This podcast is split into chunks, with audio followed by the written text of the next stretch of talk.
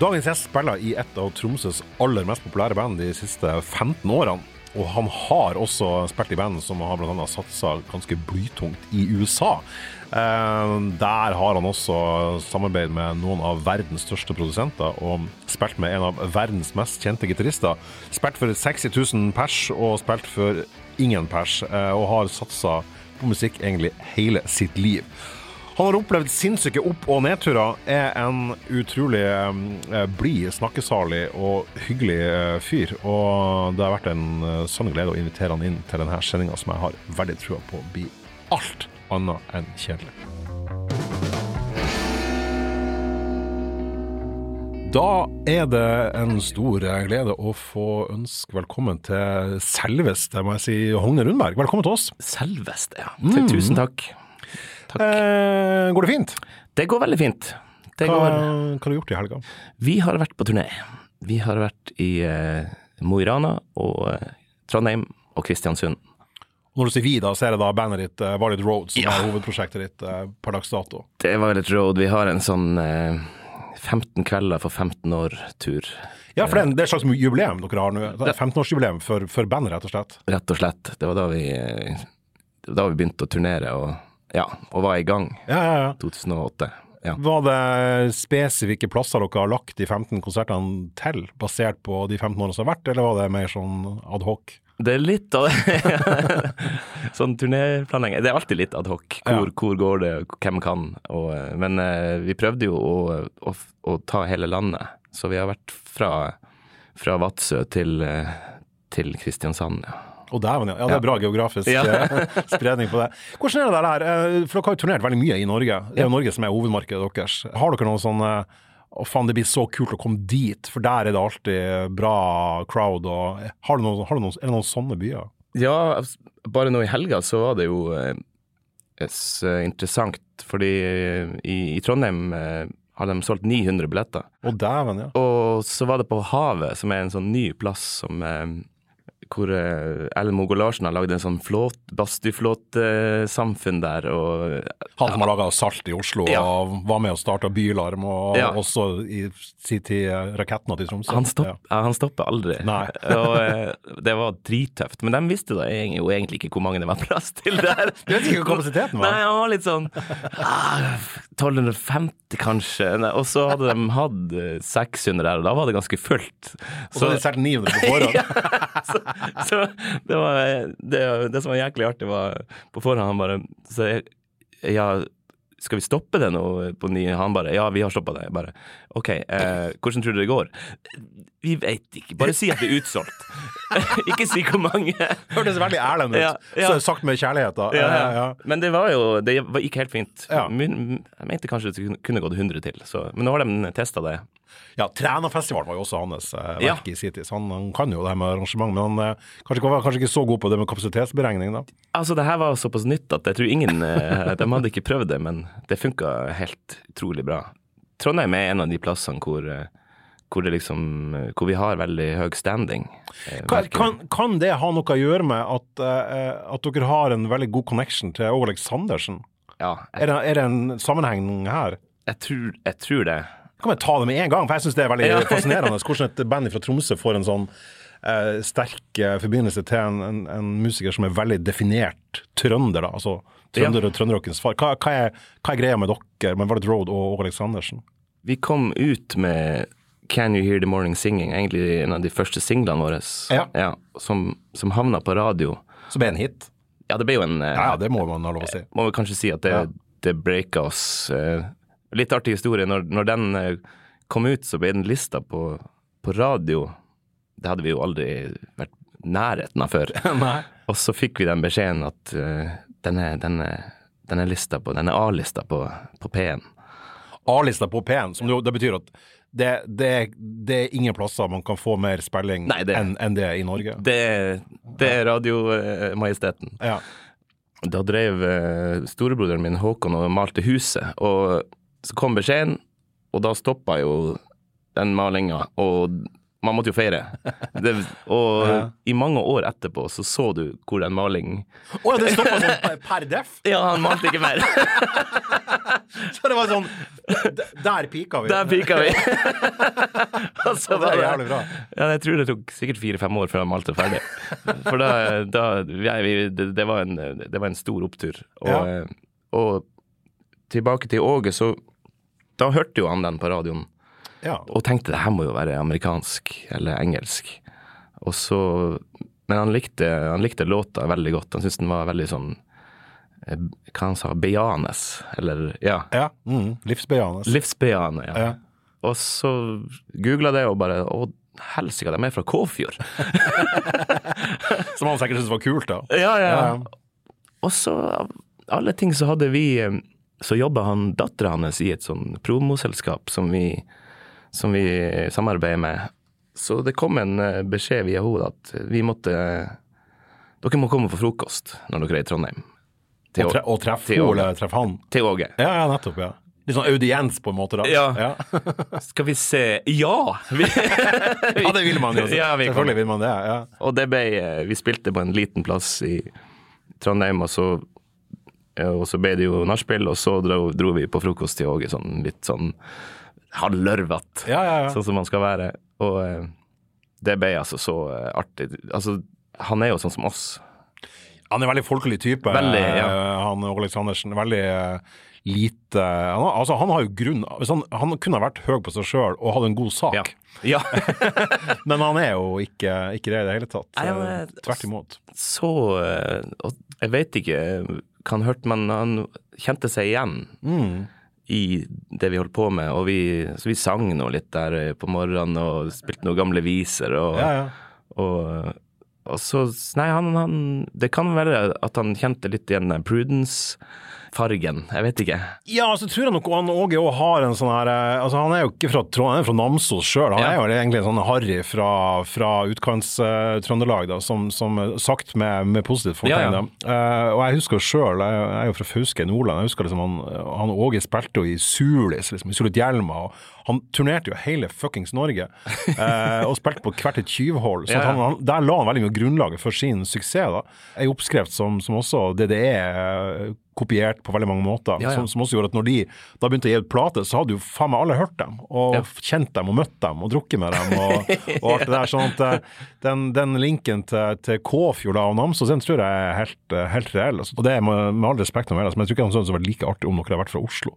Nei. Så kanskje det er et poeng Det- at dere er var fra det det rurale Nord-Norge, Ja, ja, og han skjønte at, eh, at vi, vi var, kom fra en bitte liten plass og, og var på vei en eller annen plass. Ja. Mm. Og det er, nok, det er ikke tvil om at han hjalp oss på veien. Jeg skulle til si det, for at han, han har jo nevnt dere i masse intervjuer, Ja. og han har brukt dere altså på sine egne plater. Han har brukt dere, og når jeg intervjuer han, og han vet jo at eh, at jeg skriver for, for avisa i Tromsø, så, så, eh, så er det ikke jeg som må dra frem Valid Road-spørsmålet, som ville vært jobben min å gjøre, da. Ja. Eh, definitivt som, som journalist, men eh, det er han som begynner å snakke om dere. Så det er åpenbart at det er en sånn gjensidig kjærlighet, og det må jo være litt sånn uh, stas, tenker jeg. Han er jo ikke noe Mr. Nobody, han fyren her. han er enorm, og det er jo, det er jo uh, altså bilferier til Nord-Sverige det var jo, På 80-tallet, ja. Det var jo Åge på i bilen, Ja, ja. Og, og han var eh, enorm for oss. Han var jo Norges um, blanding av Norges Lundell og Norges Springsteen, på en Yes. måte. Så han, uh, han, han var jo gigantisk, og er jo fortsatt det. Så det er jo Ja, veldig, veldig artig. Da har vi etablert uh, hvem du er. Du har da uh, sagt navnet ditt, og du spiller da bass og kora og gjør en del andre ting før bandet uh, Violet Road. Men du har gjort jævlig mye annet også, som vi skal, vi skal selvfølgelig sve, sveipe innom. Men det er det som er ditt virke nå. Du, du lever av det her, ikke sant? Ja, Ja. ja. nå gjør jeg det. Men eh, jeg syns det utgangspunktet med Kåfjord er litt artig. Um, eh, det er der du er fra, og, og, og du er jo fra en, eh, en, musikk, en musikerfamilie. Og Violet Road har jo vært eh, kjent som en sånn band, eller band som har vært kjent for at dere er mange brødre. Ja. Nå er dere én mindre, for han, har, eh, han yngste, han Herman, slutta på tromme og gikk eh, litt solo. Ja. Eh, men dere har vært kjent for at dere er et band bestående av mange brødre. Eh, og alle er da fra, selvfølgelig fra, fra Kåfjord. Kan du fortelle litt om musikerfamilien? Altså guttepjokken Hogne. Hva, hva, hvor starta det her? Mamma og pappa kjøpte piano før de kjøpte møbler. Altså, de tok eh, Bra prioritet. Ja, de tok eh, sånn avbetaling. Altså, eh, vi snakker jo slutten av 60-tallet sikkert. Ja. Og så på avbetaling kjøpte de piano, og det var, det var ikke noe sofa eller bord i, huset. Det, det var piano. så de begynte der. Ja, ja, ja. Og da var det jo eh, premissene litt lagt. eh, Definitivt. I Kåfjord, hvor mange, hvor mange bor det, eller bodde der da, rundt eh, på den tida her? Oi, da var det vel kanskje 2000-3000, to Ja. og to og et halvt. Nå, nå er det jo mye mindre. Musikk sto i høysetet i huset deres, det er det du egentlig sier, ikke sant? Det, ja, det var alt det der. Og også når pianoet står der, så er man jo nødt til å prøve det når man er liten. Og, Ja. Så det, det, det gikk liksom litt av seg sjøl, at man begynte å, å spille. Og, og, og så lærte jo moderen oss litt av det basic, da. Men så var vi mye for oss sjøl og, og spilte og øvde. og Men hun er jo også veldig sånn eh, kulturell eh, drivkraft i lokalmiljøet ja, til dags dato. Altså musikkskolen eh, som eh, var med å starte der, og eh, som musikklærer og, og kor.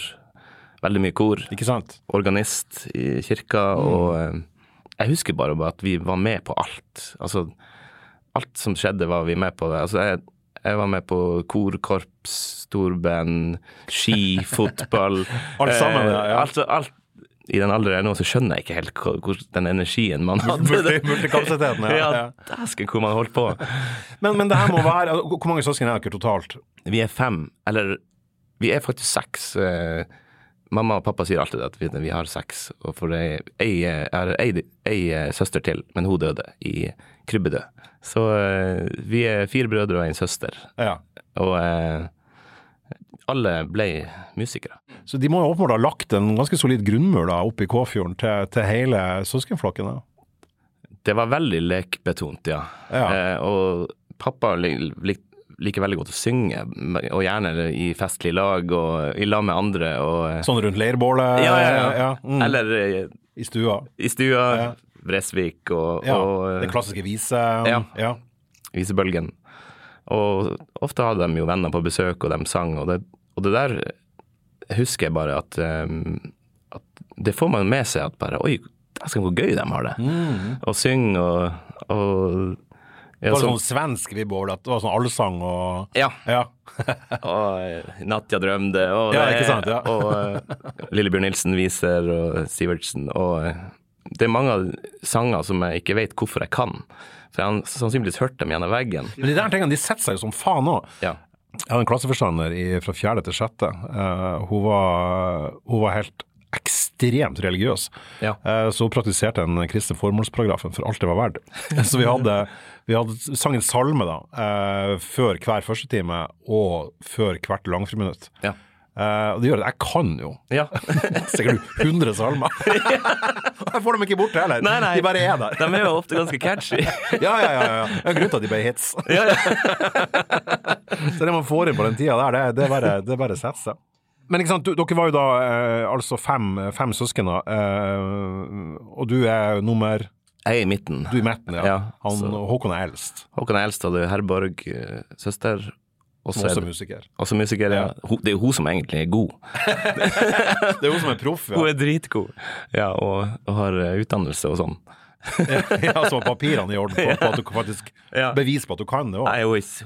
Ja, men hun, har vært, liksom, hun, er en, eh, hun er jo en markant musiker også, og jobber Ja. for både teater og, og eh, altså, skriver jo proft. Og, jo, så det, jo, det jo, må jo være noen gener her også, tenker jeg, Agne.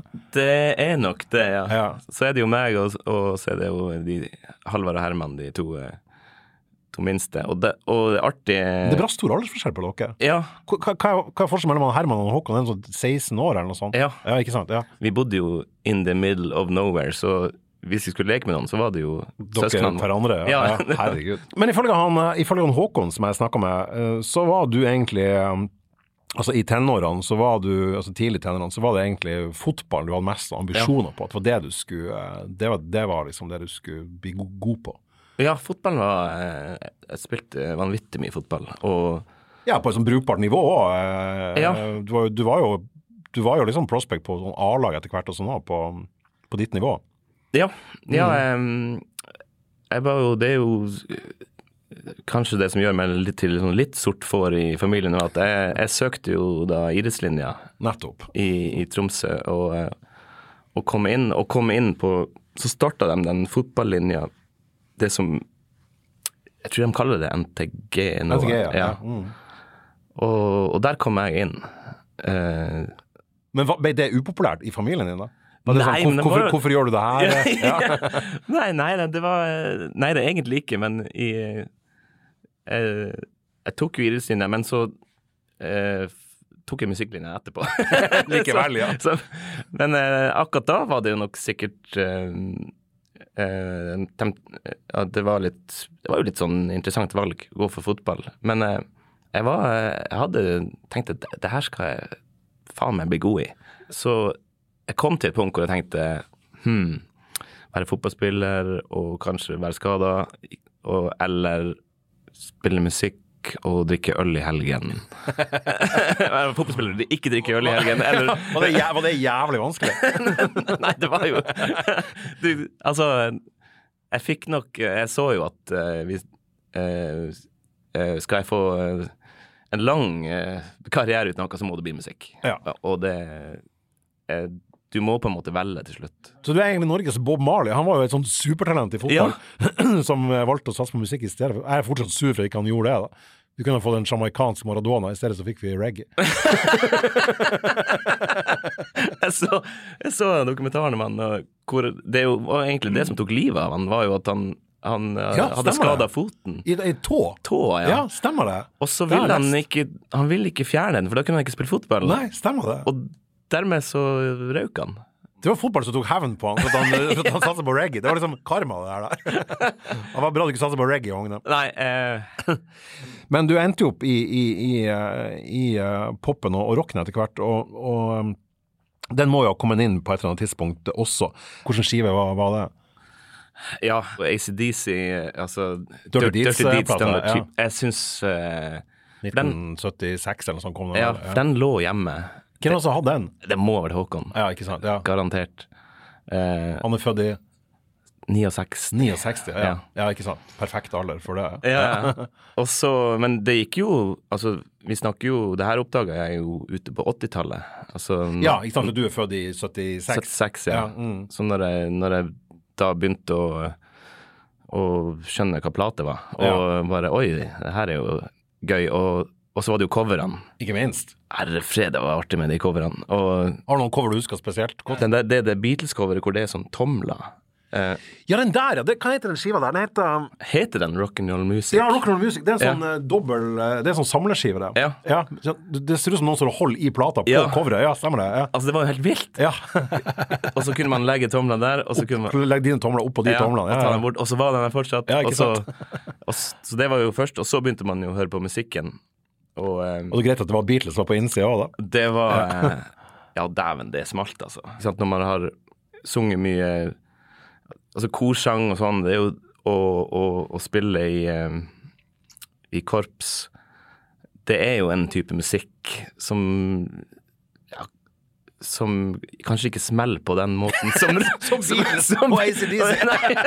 Hvis du skjønner hva jeg mener. Jeg skjønner veldig godt hva du Ja, mener. ja. Jeg har, jeg, det smeller- ACDC og Beatles smeller mye bedre for meg enn korps. Ja. Jeg, jeg, hvis, hvis jeg måtte velge, hvis noen satte en pistol mot tinningen og sa en gang du skal få lov å høre på korpsmusikk resten av livet ditt, eller Beatles og ACDC, så jeg har ikke tatt så jævlig lang betegningstid, tror jeg. Kor, korps på plate, det, det, det, det så, er- så, så raus er jeg ikke, tenker jeg. Sjelden jeg har sett på det. Altså, det eh, så, men det, det jeg lærte i korps, var jo det der med å spille sammen med andre. Samspill, ja. Ja, Mm. Veldig der- mange som har den bakgrunnen der. Da. Ja, og det å gi og ta. Mm. Eh, Hva du i- hva du i korps? Jeg spilte mest tromme, altså. Har, har du et sånn typisk sånn moment of clarity, at du tenkte sånn her Dæven, det her Jeg har lyst til å spille i band, at den her greia der kom. Ja, det var um, Altså, det var i fjerde klasse. Vi, eh, vi lagde, lagde bander, og, og eh, Jeg var 12, 11 eller 12 år. Ja, okay, ja. Og så, um, så gikk vi på Trollvik skole, så vi eh, tenkte navn. Så først var det Ola-band, siden det var Ola. Og så tenkte jeg troll, ja, Trollvikingerne. Trollvikingarna! ja, det er raft, da. Ja, det, det, det, eh, det svinger kanskje ikke så mye nå, det navnet der, men, men eh, Bra da. vi syntes det var gøy. Ja, ja. Men så, så ville jeg, jeg hadde, tenkte jeg jeg har ikke lyst til å spille tromme, jeg har lyst til å stå fremme, Fremme på på scenen. ja. ja.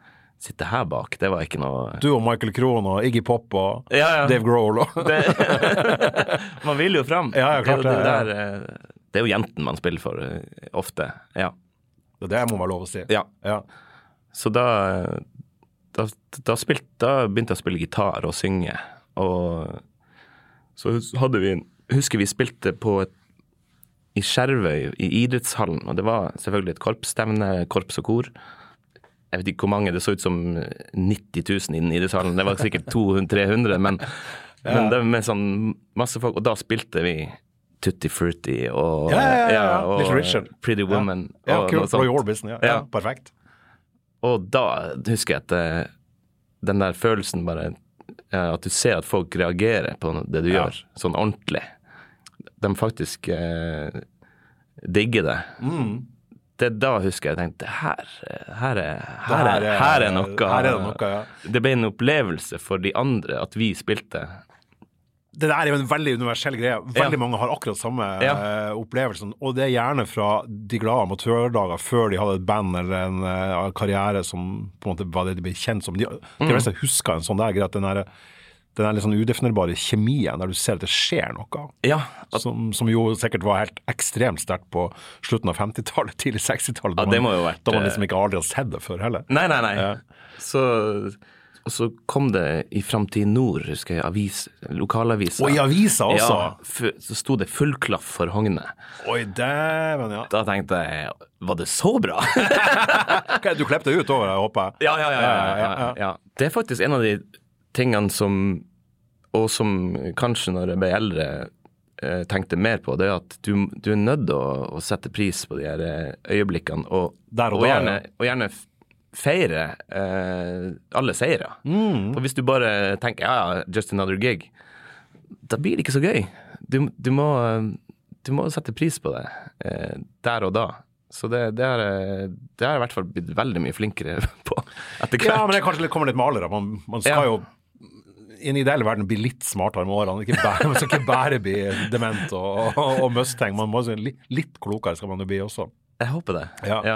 Men du hadde jo også sikkert da en sånn Du er fra Nord-Norge, ikke sant, fra Kåfjord, spilte i band og sånn. Var, var, var du også med på eh, sånne mønstringer à la sånn rock mot rus og de her tingene? ja. Ja. Vi dro dit i 94, og jeg husker ikke eh, hvordan det gikk. Jeg tror vi kom på åttendeplass. Men eh, det største var at bare at du, du så andre folk som var sånn som oss. Det var en del av noe større, større fellesskap, ja. Ja. Jeg, jeg leste når han Jørgen fra Tungtvann ja. skrev noe om det, at det at du, du kom fra Ørnes og, og følte deg egentlig ganske rar der, og så kom du til Andenes, og så var alle de andre tullingene Ikke sant? Et fellesskap fra, fra folk opplevde det samme Ja. utenforskapet andre plasser. Så Ja. fikk det utenforskapet et fellesskap. eh, Det er jo helt nydelig. Og det er klart, i, i Kåfjord, det, det skulle ikke så mye til før man var litt rar der. Nei. Vi var jo, ikke sant, Det var sikkert mange som trodde vi var både satanister og, og det som verre, fordi vi hadde langt hår og, og Ja, en hippiefamilie. Ja. Og hippiefamilie med masse musikere. Ja, ja, ja, og, ja, ikke sant? og visesang og allsang. Det kan være nok det i bygd. Det kan være. Eller, Men, jeg, men jeg, hadde jo um, eh, han Sivert Høyem eh, tidlig i denne podkasten her, og han fortalte jo også om rock mot rus, eh, altså før det ble Madrugada, da, som, som, som kjempevektige, Men, men han fortalte jo også at de, eh, at de, de rusa seg jo på. De drakk, de drakk øl på i, i det skjulte. Og det måtte, de måtte ikke si til han Svein Spjelkavik, nei. som er primus motor der i dag. nei, det må ikke Svein vite. Nei, men dere gjorde selvfølgelig ikke noe sånn. Nei, nei, nei. Nei, nei, nei, Det var uaktuelt. Ja, dere var Nei, nei, seriøse. nei da, vi, vi gjorde ikke det, men, men uh, året etterpå så, så vant vi Rock mot rus. Å ja, under, Ja. Hors, under hvilket navn da? Da heter vi Distortion. Distortion, Ja. som i føss og bråk. Føss og bråk, Ja, ja. Fantastisk. hadde, bra, bra bandnavn, da. vi skulle finne navn, og så tenkte jeg ja, hvordan skal vi må vi en eh, vi, vi ringer noen. Vi lager en sånn telefonundersøkelse. så vi, vi hadde to navn. Det var Distortion, og så var det et annet, jeg vet ikke. Så ringte vi folk i Finnmark. Så, for vi Så måtte helt, helt vilkårlige mennesker. Ja. For at vi måtte finne noen som ikke kjente oss. Og så sa ja, hvis du skulle velge mellom eh, Distortion og Inside Out, eller hva det andre var, så, hva ville du valgt? Og da Vi ringte i hvert fall kanskje to eller tre stykker, og det ble Distortion. Og det var, dere vant Rock mot rus. Var, det- Ja. var det noen søsken med i det bandet? Nei. Nei, det var, da var du on your own, på en måte, bare med vanlige mennesker rundt. Ja, on var own. en eh, Da hadde jeg begynt å skrive musikk, og, og fant ut at det var norsk som eh, jeg skulle skrive på. At, du ville, at tekstene skulle være norsk? Ja, for jeg, jeg var enorm DumDum Boys-fan, og, og det var den første konserten jeg så sånn ordentlig store, var DumDum Boys her på torget. I Tromsø? I Tromsø, ja. Tid var det? Rundt 90 eller 91. ja, tidlig 90-tallet? Ja. Det var jo de da, De har jo aldri vært større enn de var da. I hvert fall sånn platesalgsmessig, i hvert fall. Um, men, men, men, eh, men uh, For du endte jo opp i Tromsø til slutt, da. Ja. Uh, og, og jeg husker jo deg fra, fra type midten av 90-tallet, altså sånn fra liksom blårock og Ja. platesjappa og de her greiene her. Og da, da spilte vi et band som heter, som heter Tore Brum. Det var på slutten av 90-tallet, tidlig, eller 2000 rundt der i Høgge. Dere gjorde masse konserter sånn, før dere uh, ga ut uh, plate. Men da var det da var det allerede begynt å bli et sånn bandmiljø i, Ja. i, i Tromsø. Var, var, var, var, det noe- var det veldig noen, sånn naturlig å søke inn til, til Tromsø som by, eller, eller tenkte du at kanskje Trondheim eller Oslo eller Bergen, eller at du ville søke lenger? Hadde, var, det som Tromsø et slags mål i Kåfjord? Ja. ja det var jeg, jeg, jeg følte at jeg måtte til Tromsø. Og jeg, jeg følte i hvert fall at jeg måtte ut av Kåfjord. Det, Mm. det var Det var jeg nødt til. Men eh, det var jo det at vi var så mange eh, altså barndomsvenner som spilte, og, og havna i Tromsø. Ja.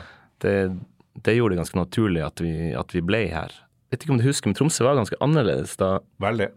90-tallet, Eh, 90 det, skjedde jævlig mye i Ja. løpet av 90-tallet. Ja, for at i starten sant, Jeg kom i 92.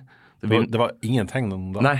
Som i ingenting. Ja, Eller det var, Det type tre-fire band som spilte rock her i byen. Det var altså så skrint at det var Ja. Og det var veldig mye covermusikk. Ja. Ja. Og, så vi hadde, Og trubadurer, visesangere. Ja. masse av det. vi hadde ganske trøbbel med å få den første spillejobben med, med Distortion, som vi da skifta navn til Englebarn. Å ja, Ja. Distortion, var, var det det som ble Englebarn? Det ble Englebarn. Ah, Ja. nettopp, ja. Ja, det må du jo si. Ja. Ok, ja, ja, nett, Og nettopp, låta ja. Vi vant Rock mot rus, het Englebarn. Så vi, den låta Så Distortion sang på norsk? Ja. alt var feil.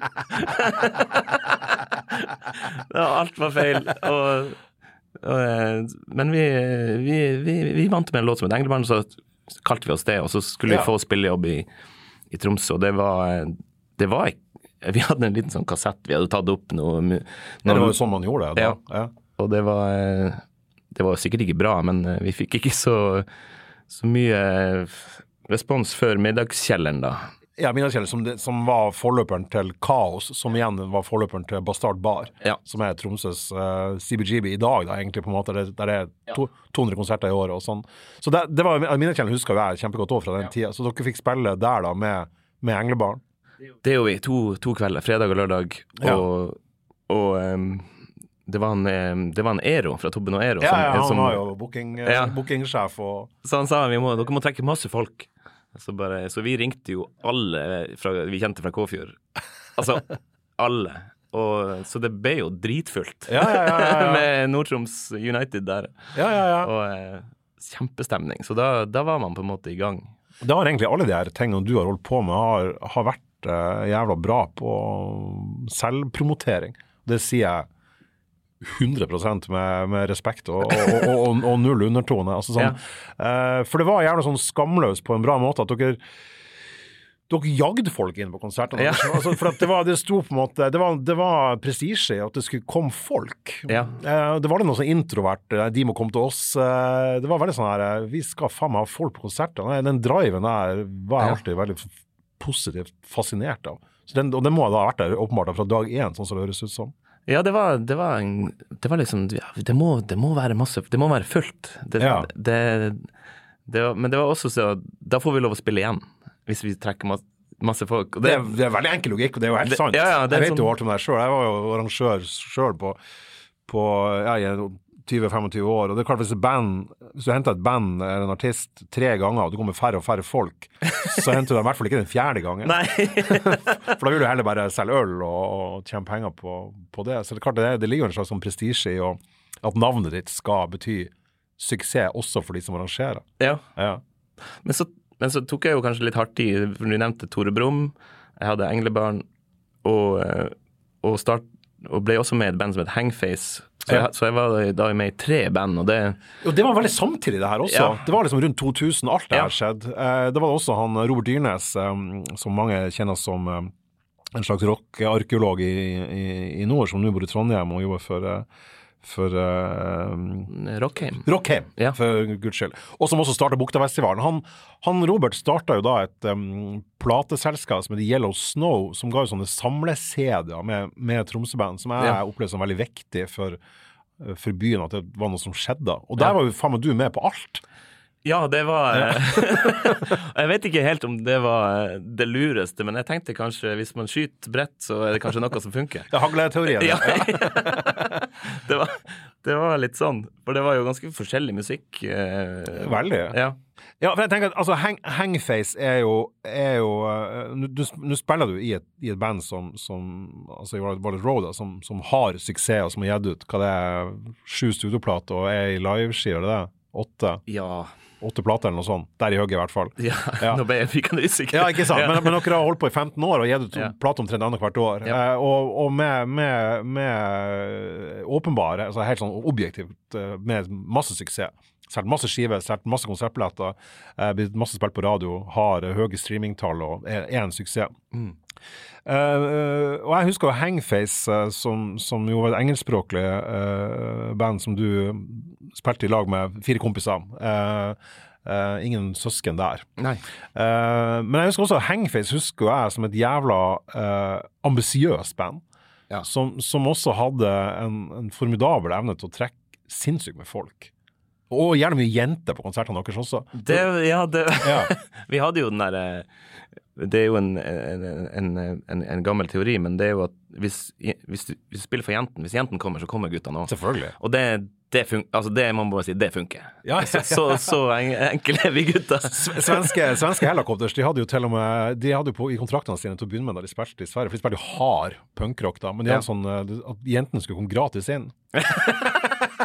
og det gikk en kort periode, helt til det kom jo bare så kom det liksom 500 damer, det kom ikke mannfolk. Nei, nei. da tjente jo ingen penger på det. Men ideen var det samme som du sa. Så, men jeg husker at Hengfis var jævlig god på, på selvpromotering, og, og det, det syns alltid jeg var jævla bra, da. At dere var skamløse. For det var, det var liksom Da ble byen teppebomba med plakater, Ja, ja. og det var flyere og word by mouth, og, og veldig, veldig sånn eh, hard sjølpromotering.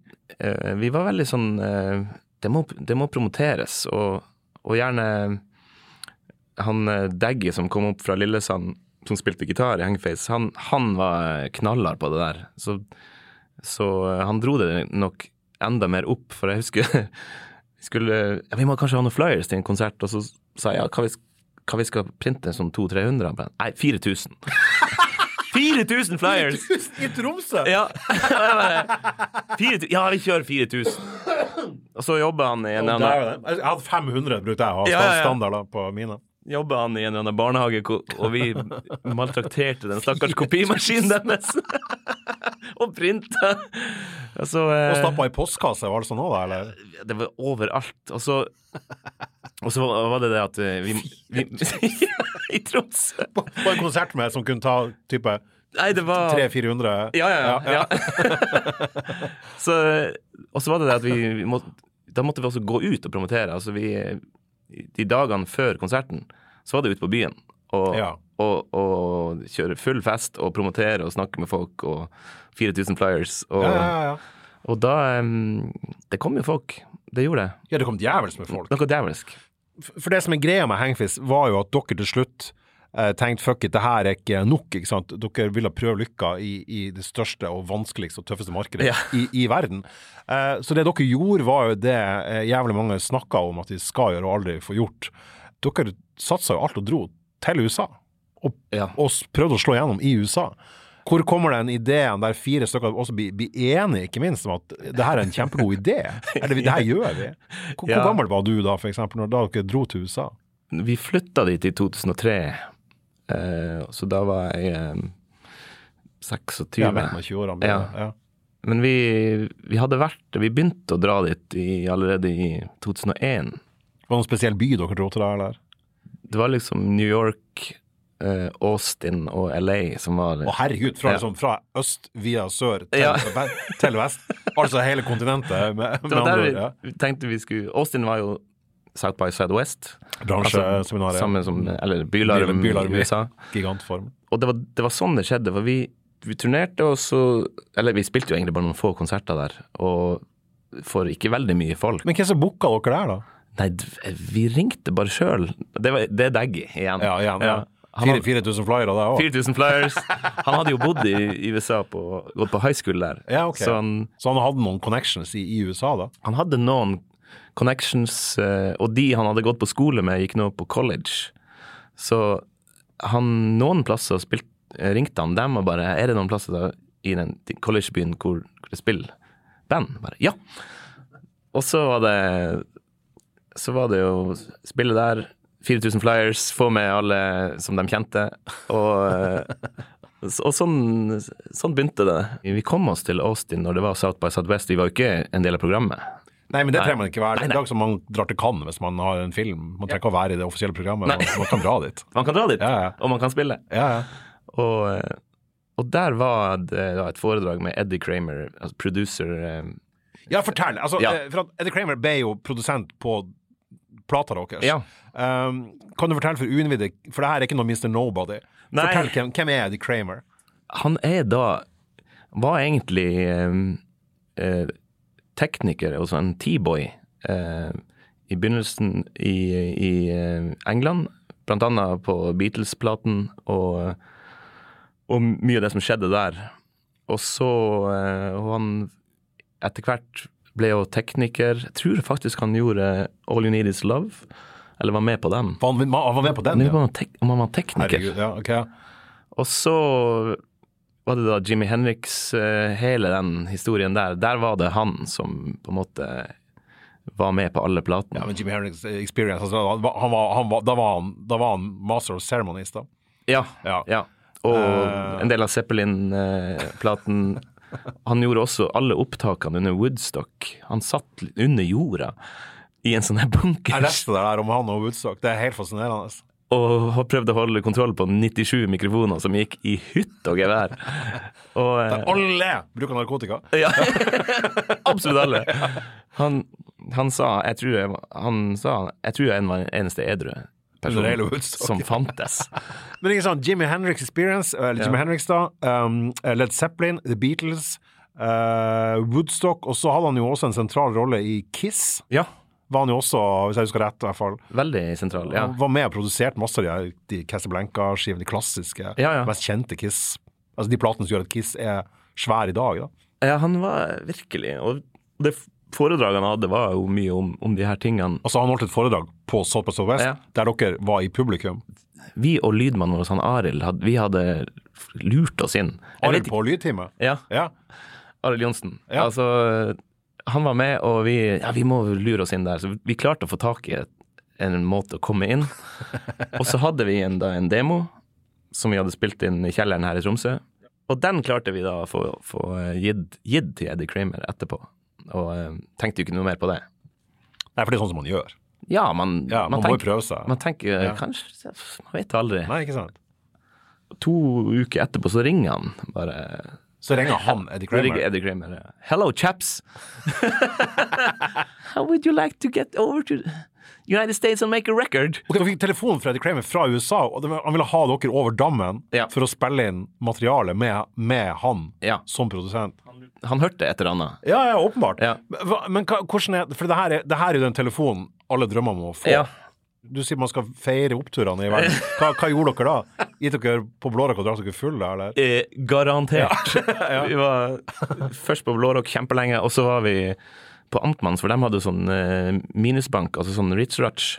Ja, sånn strykejern, ja. Ja, ja. Der så- du ikke kunne sjekke, sjekke salvoen. Ja, så du slapp så du slapp av dekning. Så,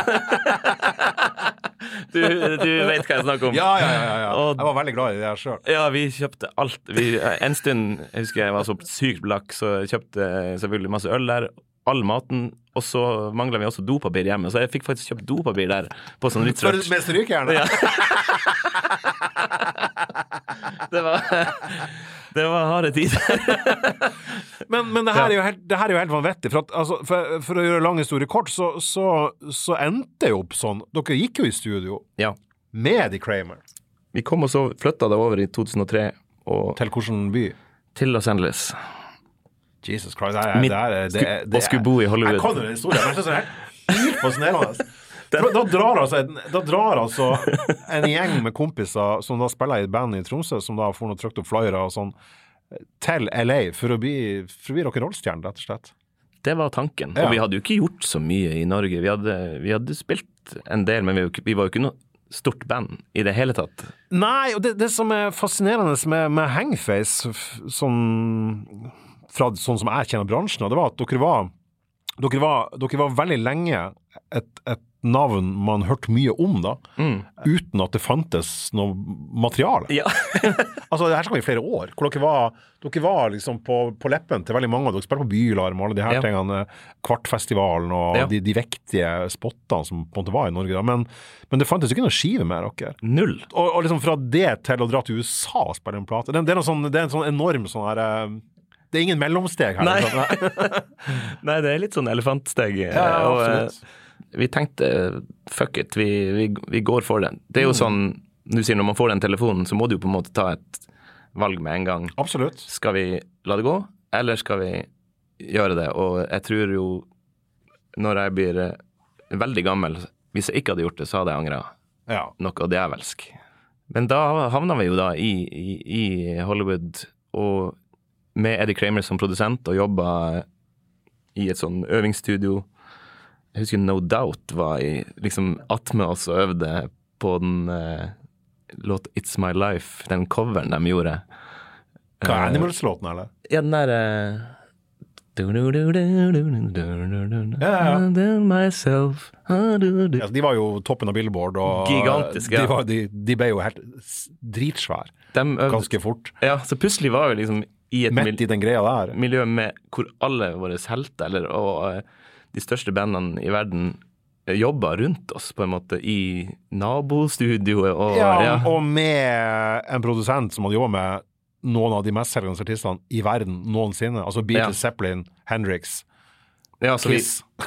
vi oppdaga jo fort at han var jo stjerna her. Altså, alle ville jo prate med han. Ja, ikke sant? Uansett om det var eh, om det var eh, John Fogerty eller eh, om det var eh, Avril Levine, så vil, alle ville snakke med Eddie.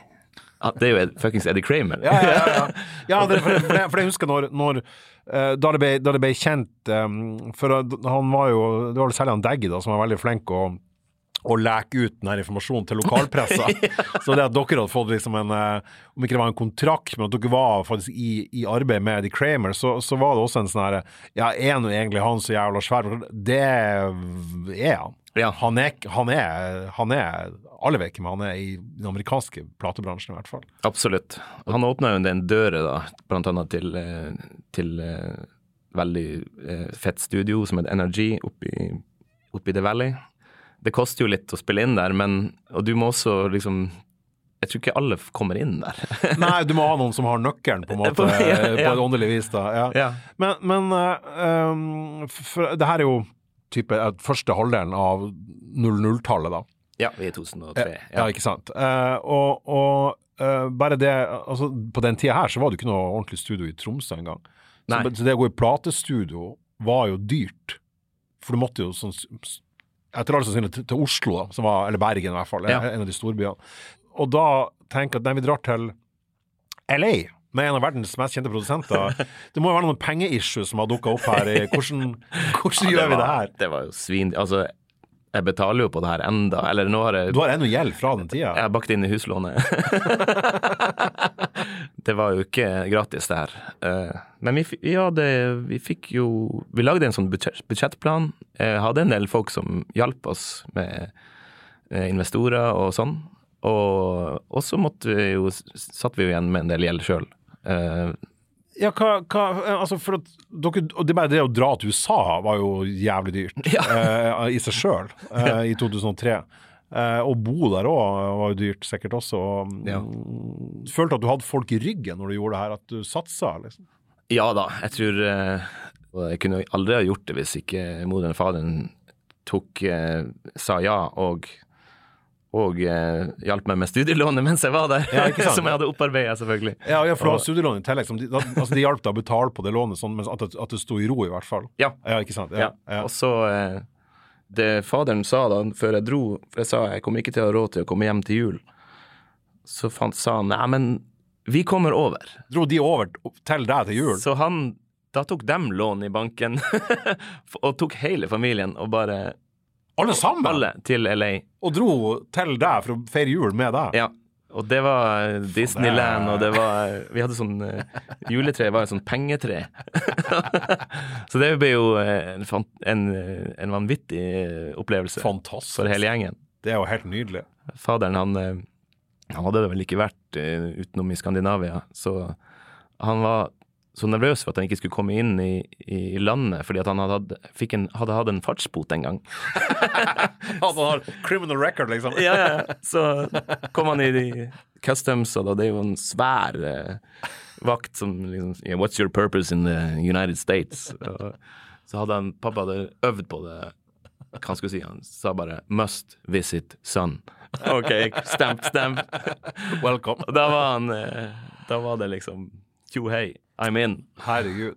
Men OK, i hvert fall så, så, så det, her, det her ble jo til Dere, dere satsa jo, dere satsa jo um, fullt ut på det her, da. Og det ble jo faktisk til slutt også ei, ei plate, da. Som, som Eddie Kramer produserte. Og han ble jo med til Norge under lanseringa og, ja. og, alt. Det var sinnssykt mye. Jeg husker han han eh, gamle beatjournalisten Sindre Kartvedt, eh, som også frilansa for VG på den tida, han, han har bodd i LA siden ja. midten av 80-tallet, ja. han, han, skrev sånn tosiders sak i VG om dere òg. Ja. Det å havne på en dobbeltside i, i, VG, det var, det, det var, bare de aller største som gjorde det. Eh, og da var den Eddie Kramer-storyen selvfølgelig veldig sentral. Men, men, der var dere, da. Altså, dere hadde på en måte da hadde dere vært i USA, dere hadde spilt en plate med Eddie Kramer, skiva var klar, det var dobbeltside i VG. Lokalpressen òg, eh, ja, ja, ja. Og Bladet Tromsø, eller i avisa i Tromsø som heter i dag, var jo også veldig sånn eh, på dere og skrev jævlig mye om dere. Og så kom, kom skiva, da. Eh, jeg har printa ut coveret av den. Har du? Ja, for det coveret er Det er så jævlig vilt. Uh, jeg skal legge det ut på, uh, på hjemmesiden, så folk som uh, får se. For skiva er jo ikke ute på noen strømmetjenester. Nei.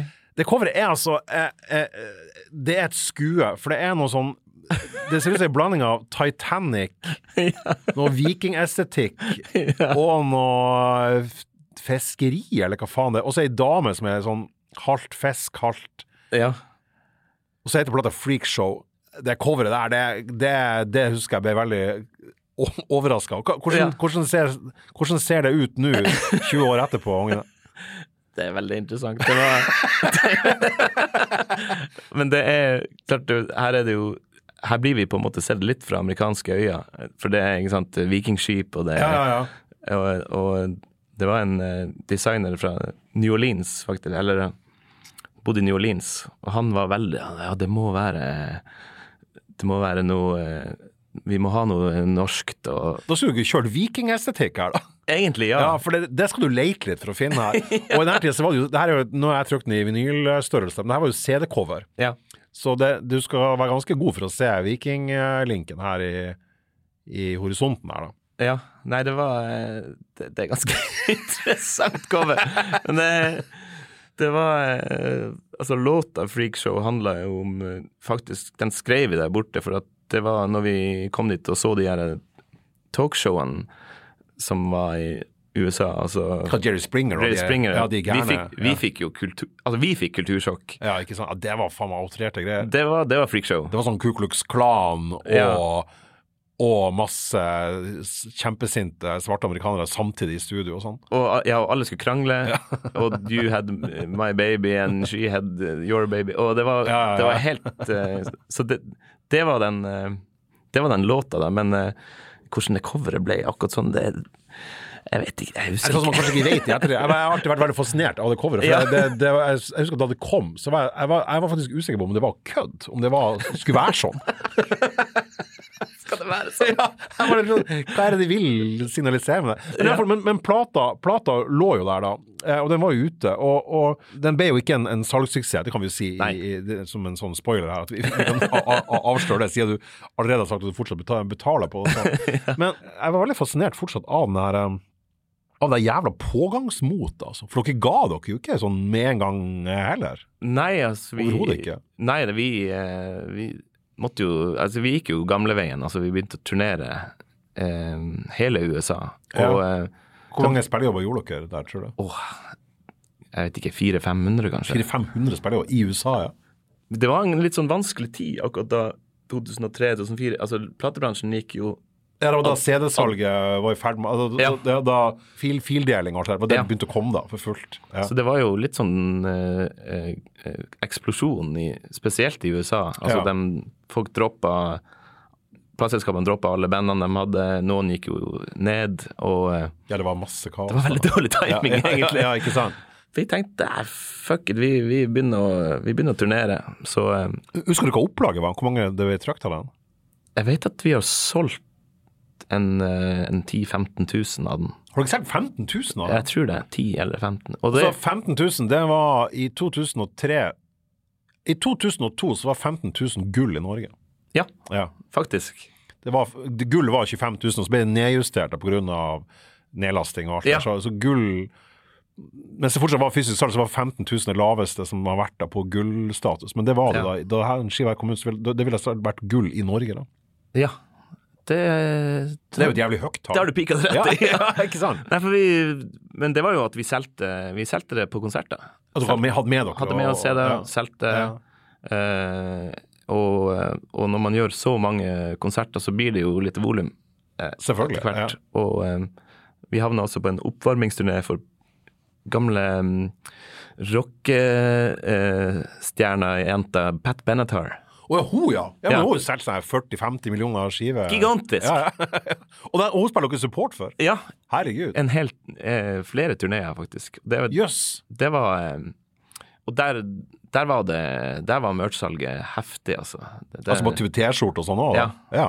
De har gjerne en egen person med seg, bandene, som bare gjør det, og, og er liksom merch. Ja, jeg trykte på, jeg trykte på Hangface um, Jeg googla Hangface og band og merch, da. Ja.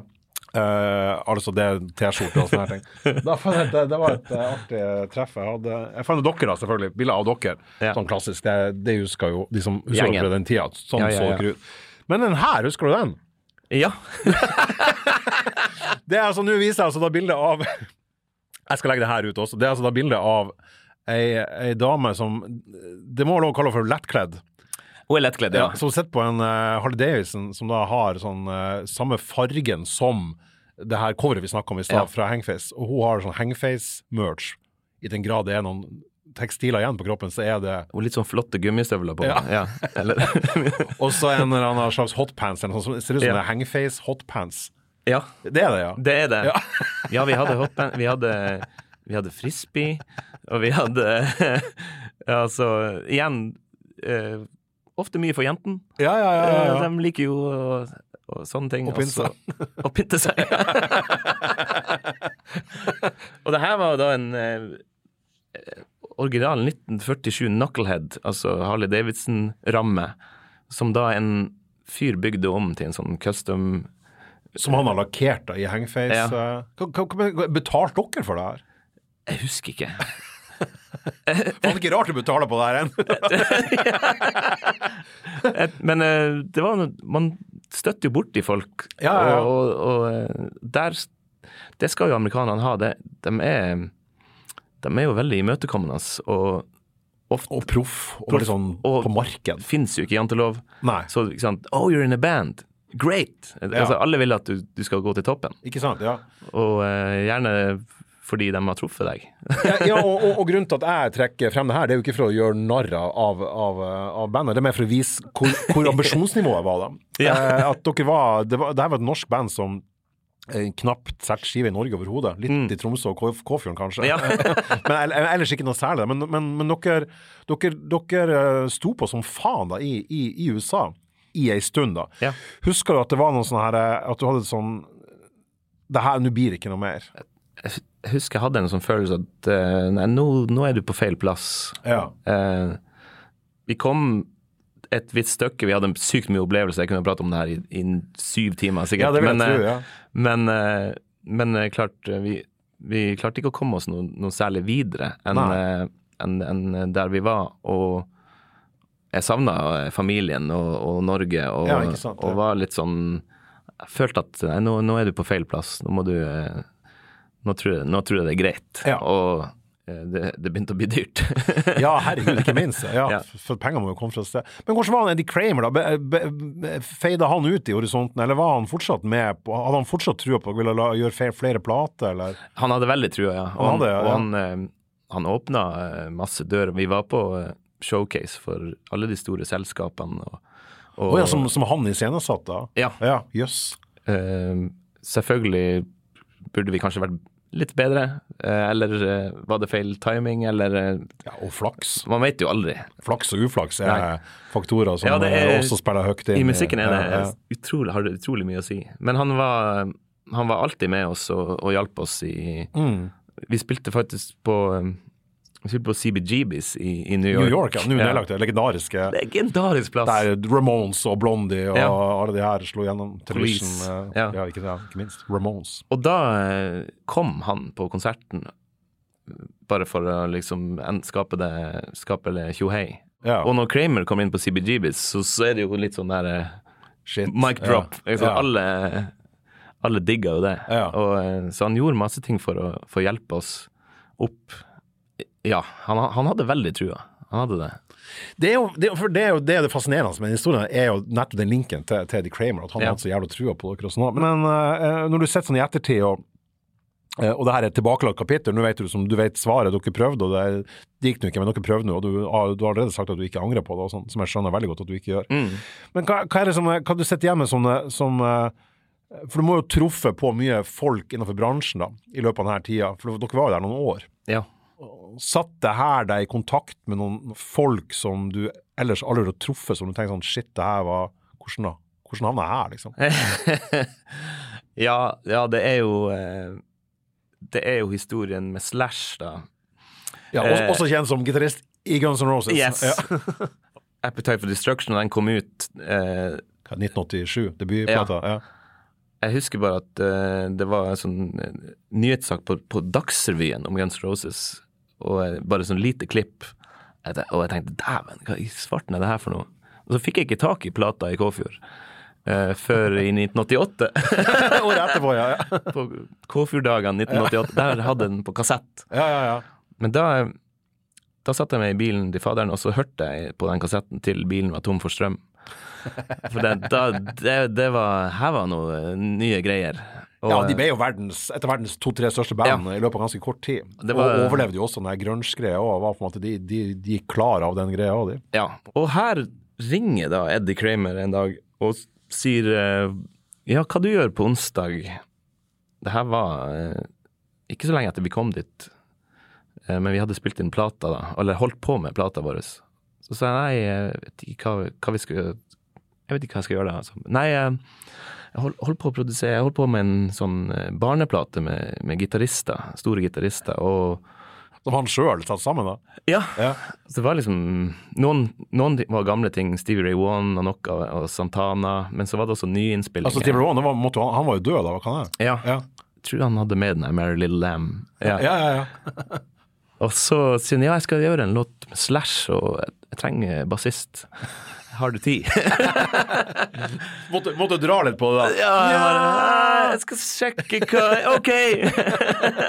jeg bare oh shit.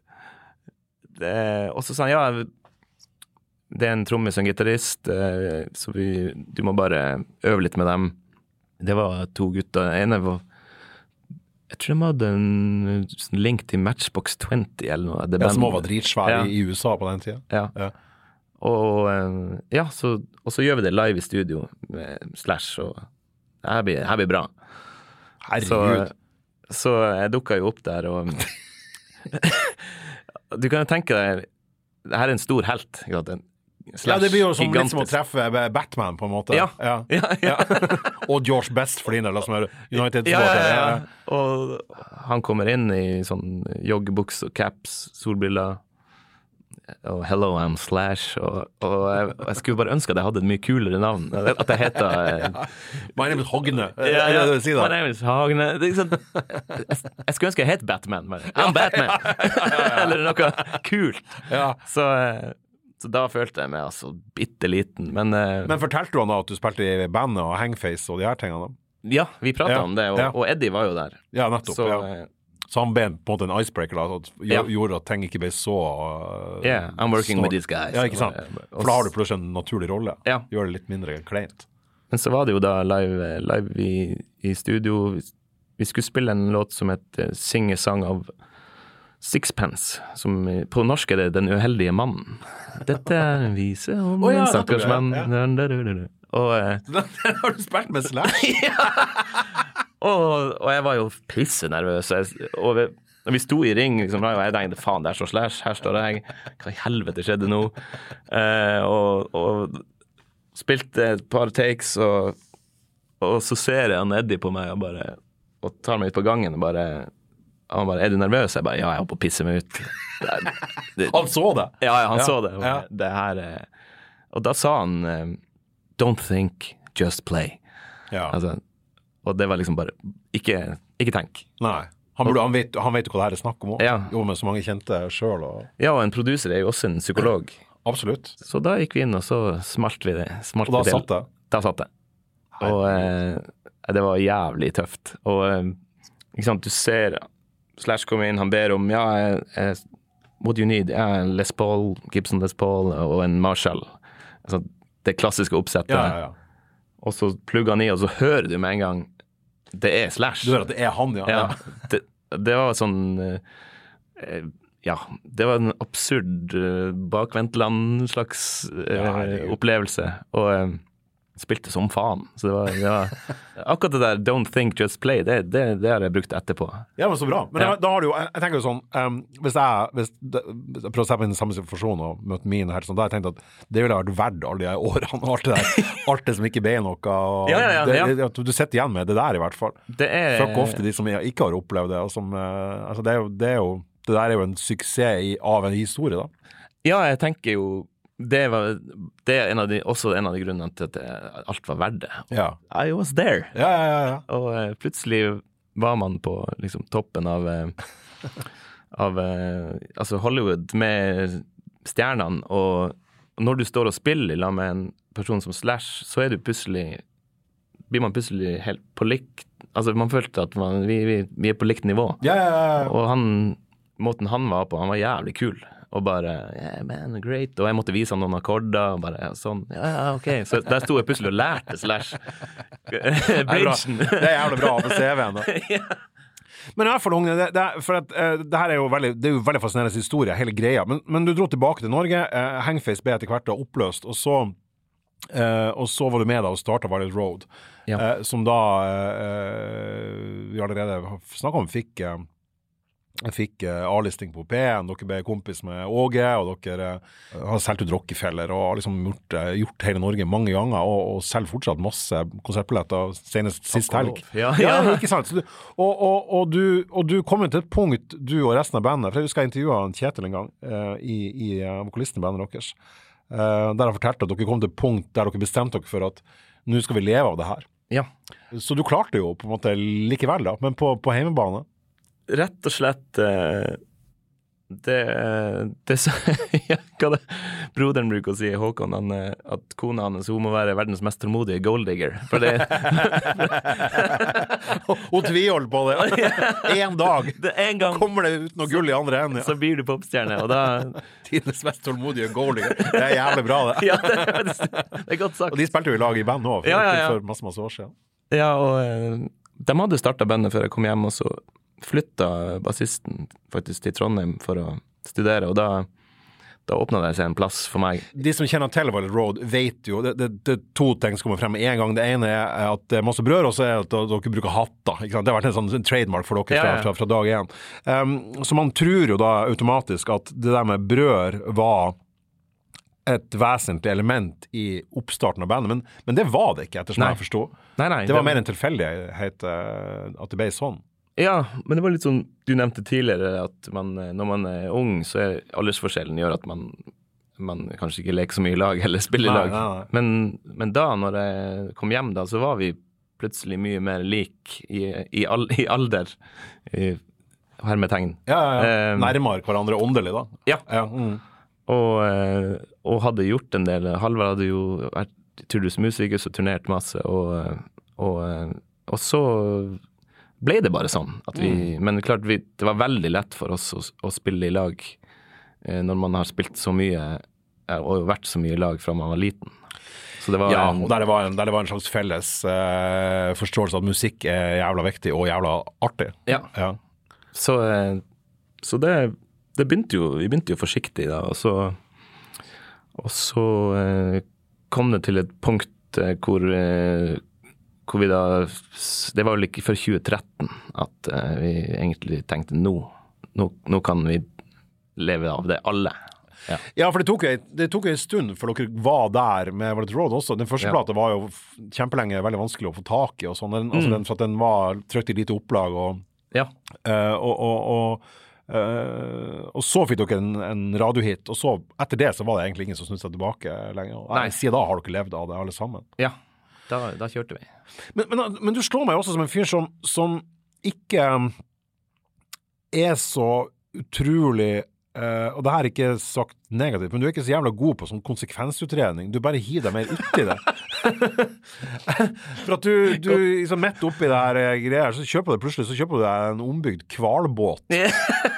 Og så tar du skippersertifikat, og så drar du og doser rundt kysten med en diger båt som du har bandet med på og drar på båtturné når det er pandemi. Altså, du gjør bare jævla masse sånne ting. Hvor, du, du, du er glad i å bare hoppe i det, virker det som. Helt det er idiotisk. det, det er jo det. Ja, konsekvensutredning er, det er et ord jeg tror jeg ikke har skrevet noen gang. Nei, det er jo et jævla kjedelig ord òg. Ja. Det er jo kjedelig å drive på med det også. Det men men det, normalt men- er det jo unger som er sånn. Også unger er ofte veldig dårlige i å tenke konsekvens. Ja. De går, det, det er primærbehovene som styrer på en måte valgene. Eh, de går, det står det en iskrem der borte, så går de mot isen. Ja. Eh, for at det er det de har lyst på der og da. Men du virker som en som fortsatt går etter isen, på en Ja, måte. ja. Eh, eh, Ja, at du har på en måte hvalbåt, ja, det må jeg ha. ja, så hvor, altså, uh, ha, er det da uh, har du fortsatt i deg den liksom barnslige gleda i å bare ta sats og hive deg ut i ting? Ja, jeg, jeg tror det er det. Og det, hvis vi går tilbake helt til den der tolv år i, i Skjervøy idrettshall, altså den der Ja. eh, følelsen av å skape opplevelser for andre, det, det, det sitter så hardt at jeg, jeg, tror, jeg tror faktisk ikke jeg, blir kvitt det.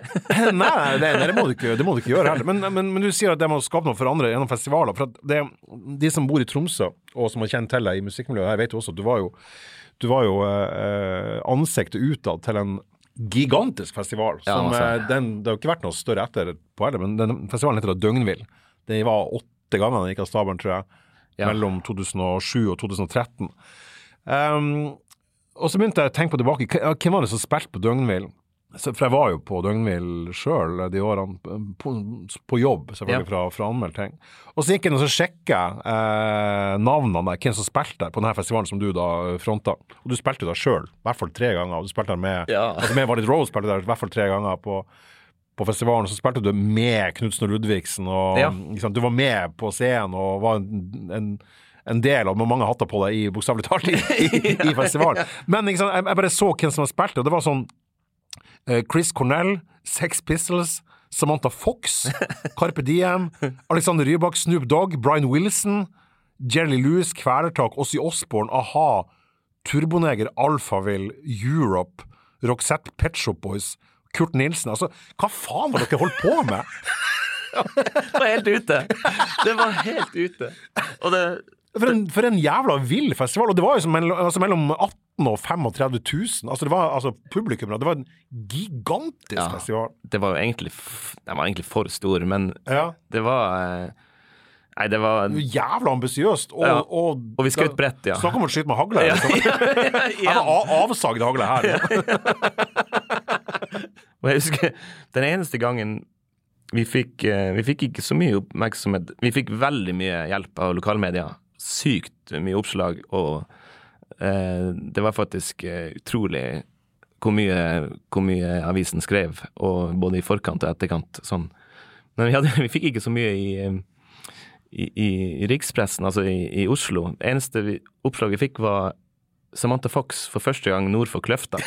Det var Det var, det var i Dagbladet. Og den Samantha Fox-buksinga var var jo mer sånn novelty, sånn tullebooking. Hun spilte med sånn knøtt, for det var en sånn knøttliten scene der, der, der dere heier på sånne eh, odde navn fra 80-tallet. Samantha Fox og Bonnie M. Bonnie M. Eller ett av de fem Bonnie M-bandene. Ja. Og Limal, eller hva, hva faen det var. Limal, Dr. Alban. Det var, men vi hadde en sånn her eh, av, av en eller annen rar grunn så funka det Samtidig der. som Osbourne og, og Brian Wilson spilte på hovedscenen. Travis og liksom, Ja, ja, ja. Band of Horses og ja. Her møter bygd by. Eh, Ja. Samtidig. Ja, for det var liksom ikke en sånn her eh, Det var ikke en sånn type sånn kred-festival, men samtidig så var det også det. For det, var masse bra navn der. Altså, det, var jo, ikke det var jo det var jo eh, liksom de store headlinene, sånn altså, A-ha og ja, Band of Horses, Sex Pistols. Altså, det var jo Ja. veldig sånn Det var jo navn som gjorde at folk kom hit utenfra for å se, for det var som der de spilte. Punktum.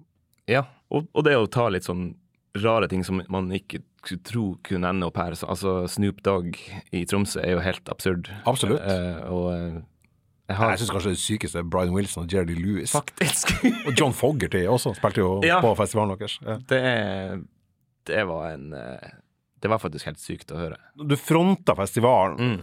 og så var det samtidig masse andre som satt i kulissene og drev med, med booking og sånn, så du, Mm. var, du var liksom en slags mellomperson mellom publikum og, og, og festivalorganisasjon. Men, Ja. men, men, men det virka som du hadde også en sånn herre som er en slags rød tråd her, da, at du, det var, du syntes det var jævla artig å lage, lage ting for andre, da. Ja, ja. Ja, det var jo ganske eh, svært. Det var eh, Jeg kunne ha 300-400 telefoner om dagen. Eh, fordi når folk lurte på Ja, vi ringer Hogne. Han vet. Ja, ja, ja. Og, og Er du var, sånn ja-mann nå, du? Ja, ja, ja. Ja? Du sier ikke nei, derfor de ringer deg òg. ja, ja. det er jo en heftig jobb med festival. Du vet nå hvordan det er å arrangere ting. Ja da, det er, det er mye som skal klaffe, og det er alltid noe som ikke klaffer. Ja, Og så må det ordnes. det må ordnes. Men det, det var verdt det, for at jeg, altså det, det det der skapet av ringvirkninger i, både i byen og, og, Ja. og for folk og, og historiene som skjer eh, rundt en sånn festival, det, det er priceless, altså. Du kan ikke sette noe, noe pris på det. Ja, og jeg tenker sånn, enten du, enten, altså som, som arrangør sjøl, jeg var det mest på klubbnivå, jeg har gjort det noen sånne større ting, men mest på klubb. Men det der må og det har egentlig lite med antall publikum å gjøre. Men det er klart, Et fullt hus er alltid ekstra stas, men det med å se alle de her fornøyde trynene, det gjør at all den der støvtørkinga og telefonbookinga og alt det maset er, er, er verdt det. Og det blir jo enda større grad i en sånn svær festival hvor det er sinnssykt mye folk som er involvert også, for du, du tar mer enn mange andre òg inn i, Ja, ja. i dragsuget. Ja, det ble, det ble jo veldig svært. Og så var det jo eh, alltid interessant å være, å være edru på en fest med 12 000. Hele... Ja, det, det, det er lov å si at ikke alle var edru på Døgnvill. Eh, nei! Jeg husker jeg til og med skrev en sånn her kommentar der jeg forsvarte at det var alkoholservering og fri aldersgrense, sånn som Ja. var på Øyafestivalen, ja. som veldig mange var imot her i byen. Der jeg mente at hvis søringene kan det, så kan vi også det. Ja. Men vi kunne jo ikke det. Nei, det, det var eh, For det var jævlig sånn det, Det var, var- sånn, det var sånn brutal flatfyll som det ikke var på øya. Sånn, Nei, der har vi litt eh, Der hadde vi litt å lære, tror jeg. Og, og jeg- jeg husker du sto på scenen og sa nå er, klok er klokka seks, nå må liksom Nå folk ta med seg ungene og gå hjem. Alle ga jo faen. Ingen som gikk! Nei, det var det var jo, ikke sant, i USA, I USA var det veldig vanlig med, med at ungene var på festival. Ja. Men der, der, gikk, der gikk det jo veldig fint. Men eh, ikke sant, i, i Nord-Norge har vi, mm, hadde vi kanskje litt å lære. I hvert fall da. Det var nesten sånn ubehagelig, for det var, folk var så jævla drita. Og så hadde jeg liksom sjøl gått ut i avisen og forsvart det. her, så jeg Å, fy faen, jeg håper ingen, ingen filmer det her, liksom. For at, eh, eh, men jeg, jeg forsvarte av prinsipielle grunner. Som jeg, Ja, jeg- så, jeg står, jeg står inne for det. Jeg Altså. hadde også den følelsen at, uh, at det her må jo kunne gå an. Uh, og det, det handler sikkert også om oppveksten min, at vi alltid var med på ting, og det var, det var, eh, det var trygt og godt. Men eh, det ble nok Jeg tror nok den ville bli litt for stort, rett og slett. Ja, og Dongvill spiste vel egentlig opp seg sjøl òg, og falt for eget grep. på en måte. Ja. Da, da de begynte å skulle spre festivalen til, til flere byer og Stavanger, og så var det et arrangement i Oslo som tryna av flere grunner. Dårlig vær og tåke og masse, og kanskje noen feilbooking. Og så tok det med seg Døgnvill i Tromsø i dragsuget. Så det, den gigantomanien som på en måte var en del av DNA-et til festivalen, var også det som ødela for festivalen. Ja. Du, Vi er nødt til å ta en, en, en, en, en liten runde innom noen, noen standardspørsmål her som jeg syns er, er, artig å snakke om. For det, er, det forteller noe om hvor man er hen uh, musikalsk. Og uh, det spørsmålet jeg stiller alle i denne uh, podkasten, er jo hvilken plate ville du ha tatt med deg på ei øde øy? Ja. Uh, og da svarte meg at da sto det Det var liksom det sto først tenkt at det måtte være ei av de fire første DumDum Boys-skivene. Ja. Uh, før du landa på hva det måtte være. Men, ja. og, og, da sa du, og, det var der jeg hengte, det hengte meg veldig opp i. For at du, du sa at det måtte bli de fire første Dundermois-platene. Og da er jo da, det er jo da snakk om altså, Blodig alvor, ja. uh, Splitter pine, ja. Stereo og Transit. Ja. Uh, og det er jo, hvis man skal være skikkelig streng, så er jo det de fire beste Dundermois-platene, strengt tatt. Vil jeg si, i hvert fall. Ja, absolutt. Som er langt fra uvanlig med band, at det er på de fire-fem første du gjerne har kruttet inne. Ofte. Særlig på rock. Særlig på rock. Men da gikk du for stereo. Ja. Det ble jeg så jævlig irritert over. Hvorfor i faen tok du stereo? Det er den svakeste av de fire. Hvorfor, jeg, jeg, håper, jeg håpa du skulle si det. Nei, jeg... Det var for å irritere meg, var det derfor? jeg vet ikke hva, det er med den, men Nei, altså, den, altså, den, den, den, kom i 1990. Altså, den ble jo den første plata som gikk til topps på hitlisten for dem også. Ja. Eh, og jeg tror fortsatt til dags dato det er den mest solgte, så du er jo i et godt selskap. Eh, ja. eh, jeg bare husker den som en litt sånn nedtur, for den var så jævlig overprodusert. Ja. Sammenligna med særlig debuten. Den låter jo ganske funky, faktisk. Og, Ja. Men jeg tror det er noe med alderen jeg var i når den kom, at det var, og at det, det sitter for dypt, det der. Um, Splitter pine det var jo liksom på en måte den kanskje den jeg digga mest. Ja. Den bare låta. Ja. I- ja, og det riffet. Ja, og, og ikke minst eh, Lunsj i det grønne, som var det første jeg hørte. Da fikk jeg jo Eller det Grønne er fra debuten. Ja, Ja. da fikk jeg jo panikk når jeg hørte den. Ja. Bare, Satan, hvor bra det her er! Ja, ja, det første, første Dunderboys er, er dritbra. Ja. Men uh, stereo, det, det er noe med følelsen når jeg hører den plata, så da blir det ordentlig sånn satt tilbake til når jeg hørte på det, og bare tusen ganger. Men er ikke, er ikke det kult da når du ser Altså, du, du er 46 nå, ikke sant? Ja. Um, uh, jeg husker jeg var på Det var rett før pandemien, så var jeg på hotellet The Edge her i Tromsø, så skulle jeg se DumDum-Boys. Litt sånn her eh, Jeg gikk bare på konserten, det var noen som inviterte meg dit, og så dro jeg helt sånn uten noen forventninger. Jeg har sett de masse ganger, liksom, på Ja. slutten av 80- til 90-tallet, så jeg de mange ganger, og var, var, var veldig fan, særlig i, i den tidlige fasen da. Og så dro jeg litt sånn u... Jeg ser dem på Buktafestivalen og sånn nå, og det er, litt- og det er litt sånn På festival Festival er en festival. Ja, ja. Her var det liksom Dum Dum Boys-konsert. ja. Uh, og ble så jævla blown away over hvor drittøft det var. Det er sinnssykt. og Preplo var så sinnssykt bra frontfigur, og, og ikke minst Kjartan Kristiansen, som jeg syns er Det er vel ingen som ser like kul ut på en norsk rockscene som, som han. Uh, ingen gitarsoloer, bare står liksom og skjærer ut sånn grove riff. Og, han og det var så jævla stilig. Og da tenker jeg at det er jo for deg som driver på med det, å se de der folkene som er mye eldre enn deg, fortsatt levere på det nivået, Ja. så vet du at du, du kan òg bli en sånn eh, Zlatan James Milner-rocker, da. Spillerockere. Det er faktisk eh, Ja, det er målet. Ja, ja, ja. Og, og det er jo sant, Den første opplevelsen på torget, når de kom inn med sånn baklys i sånn silhuetter, det, det, det husker jeg. Altså, jeg Det, tenkte det her var sånn 90, 91, Ja, 92 90 der i 91. høyre. Ja. Jeg tenkte bare at, at det går an. Altså, det Ja. var så tøft, Ja. det som foregikk der. Og, og det at de fortsatt har det nå eh, Jeg har jo sett dem selvfølgelig tusen ganger, men eh, de, de er dritbra fortsatt. Ja, de er det. Det er noe med den der eh, den råskapen der som aldri går bort. Og den, den håper jeg klarer å beholde sjøl òg. Ja, ja. Det er som moderen sier, du kan ikke pensjonere deg fra musikk. Det går ikke an. Altså, du Nei, selv om rocken er litt mer nådeløs Ja. enn- det, det var lettere å være Leonard Cohen enn det er å være Iggy, Iggy Pop, liksom. Altså, for, at det, for at det er så fysisk krevende Ja. når, det blir, når det er hard musikk. Altså, det er veldig ofte at de Altså, jeg ser liksom ikke for meg Slayer gjøre sånn reunion når de er over 80. Nei. Det er jeg med, det et med den energien og den, eh, den aggresjonen og det. Men, men Dunderboys har jo på en måte De har klart å eldes med, med verdighet. Absolutt. Eh, men du, du, det var jo ikke Dynamos du landa på heller, da. Eh, Så vi slapp, jo den, den krangelen. Um, du landa jo på et band som annet ble fronta av en fyr som, som fortsatt er still going, om ikke strong, så er han fortsatt still going, og Ja. meget oppegående, og elsker fortsatt å spille konserter.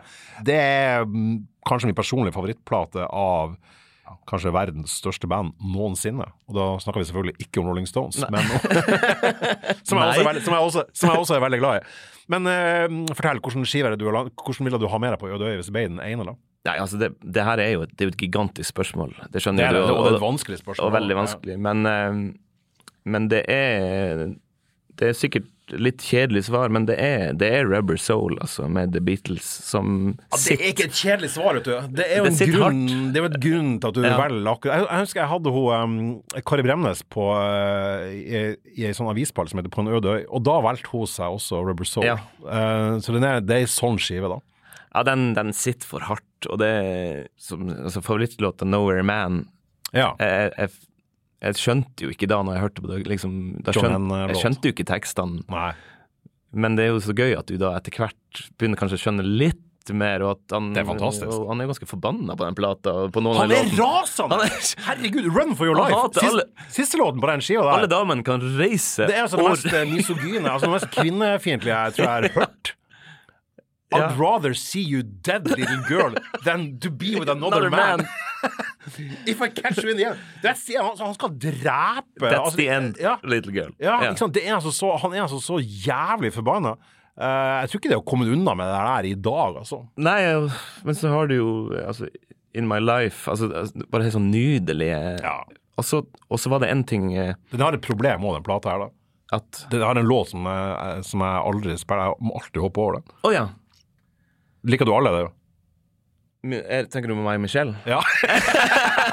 du, du skjønte at det var den ja, den, den, Ja, ja. den klarer jeg faen ikke å høre. Jeg, jeg får, helt, jeg får utslett av den låten. Den er, det er, det, men jeg liker at plata er perfekt i sin ikke-perfekte Altså at ikke alt er perfekt. Ja. Det gjør den litt sånn menneskelig, på en måte. da det er ikke min favoritt, men jeg, men jeg er jo jeg er veldig altetende, så den, den går av den òg. Eh, Ja.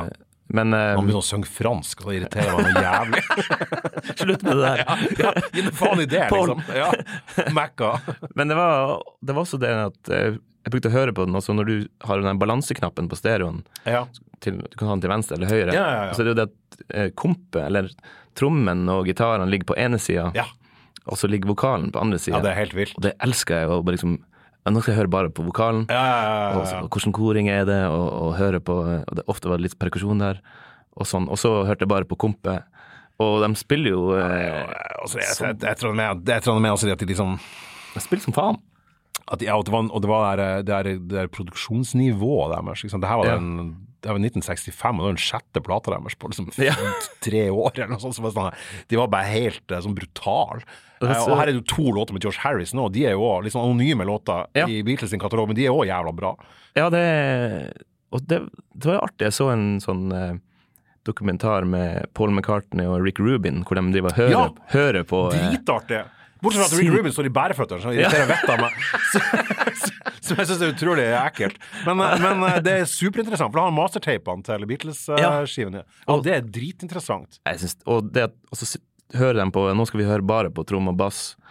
Og, og så sier han Da høres det ut som et rock, ordentlig rockeband. Virkelig. Og så tar de bort det og bare gitar og vokal, så er det liksom pop. Ja. Sånn Ikke sant? eh, engledust. Ja, ja, ja. Og den der kombinasjonen der Ja, eh, gjør jo at det der river noe Ja, det er veldig veldig stilig, de programmene der. Det er sånn, I hvert fall hvis man er glad i Beatles, er det der eh, Det er nerderier på Disney som viser det, eller noe sånt. Det er en sånn rar kanal jeg så det på. Ja. Ja, det er, det er, kjempe, kjempebra. Eller HBO, eller hva faen det var. Og så er det én ting jeg selvfølgelig er nødt til å spørre om. Eh, nå har jo du allerede fortalt at du har vært eh, eh, masse rundt. Eh, både som uh, Du har jo vært publikummer, selvfølgelig masse. ja. Uh, men det er jo artigst å høre fra artistsida. Hva er det verste du har opplevd som, som musiker? Altså, sånn, altså som i rollen som musiker. Altså, det er, det er Skal vi, på, mye. skal vi på amerikansk jord, da? Ja, vi må nok dit. Det ene var jo den der Det var oppvarming for Pat Benatar. Det var eh, Det er så, det er, det er så rar skjepning! Ja. Hit me with your best shot.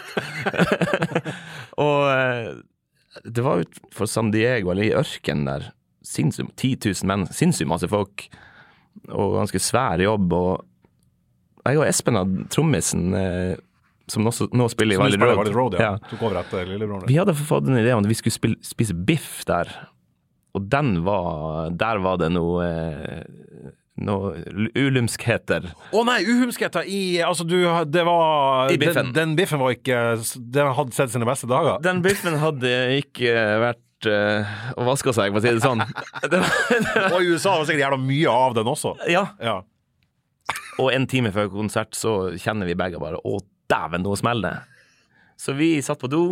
Det kom alle veiene. Og ble jo da og Man blir jo så jævla sliten, og det, det ja, man har bare lyst til å dø. Ja. Men da kommer han, eh, manageren inn eh, til Pet Pentar, og han, han var litt av den gamle skolen, så han brukte av og til å ha med balltre.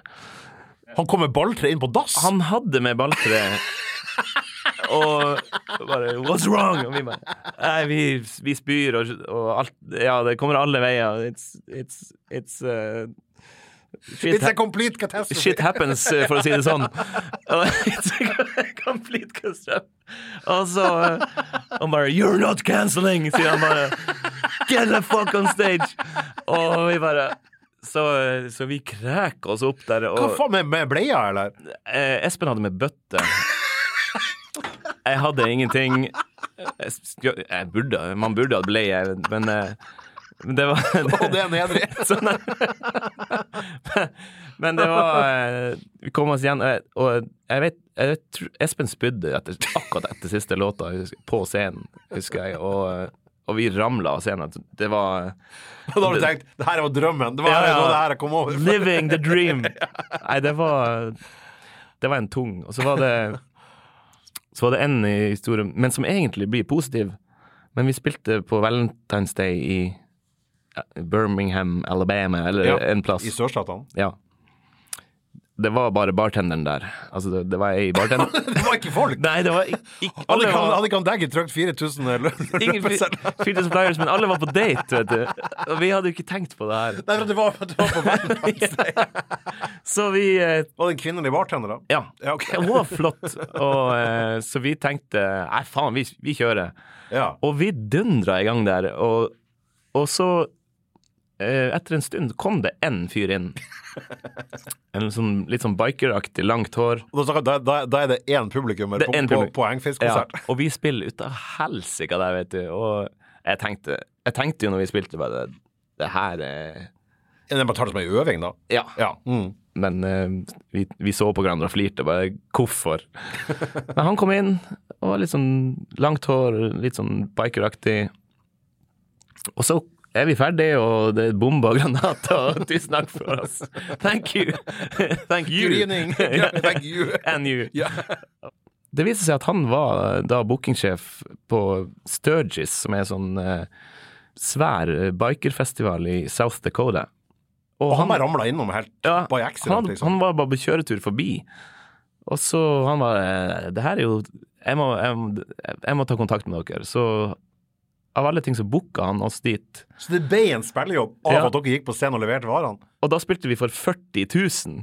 Oh, og varma opp for Billy Idol, eh, Alice Cooper eh, og, eh, og hele sulamitten. Og, og der var det På bikerfestival, istedenfor å klappe, så fyrer de opp Harleyen. Og rusa dem, liksom. Ja. Det var en sinnssyk stemning. Så det ble positivt, men av og til lurer man jo på hva faen er det vi holder på med? Eh, Ja.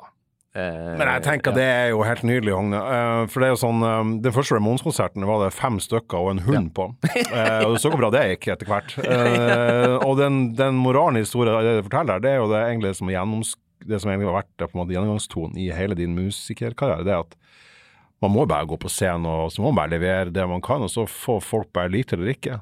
Så må Ja. du bare tørre å satse, og drite i konsekvensutredning. Ja, i publikum. Det kan, være, det kan være noen som ser deg for første gang.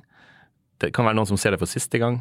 Det er alltid noen historier der i salen som, som eh, betyr noe, og, og det er jo det eh, man ser med musikken. Altså det, det, det kan påvirke folk til å gråte eller le eller, eh, eller eh, ha alle hele følelsesregisteret. Og det, det tenker jeg på hver gang jeg er på scenen. At uh, husk at det, det, er noen der ute som kanskje har sin livsopplevelse.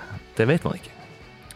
Ja. Jeg syns det var en helt perfekt eh, avslutning. Det var uh, veldig hyggelig å ha deg som gjest her. Tusen takk for at du ville komme, Hogne. Tusen takk, Egon. Det var trivelig. Takk.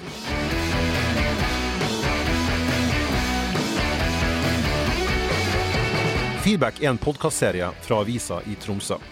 Produsenten for sendinga var han Svein Lian, og jeg heter Egon Holstad. Husk også at vi lager spilleliste der all musikken som nevnes i sendingene, legges til. Og de finner du på hjemmesiden til Tromsø i feedback-seksjonen, der du også finner anmeldelser av plater, anmeldelser av konserter, samt intervjuer, liste og masse annet aktuelt musikkstoff.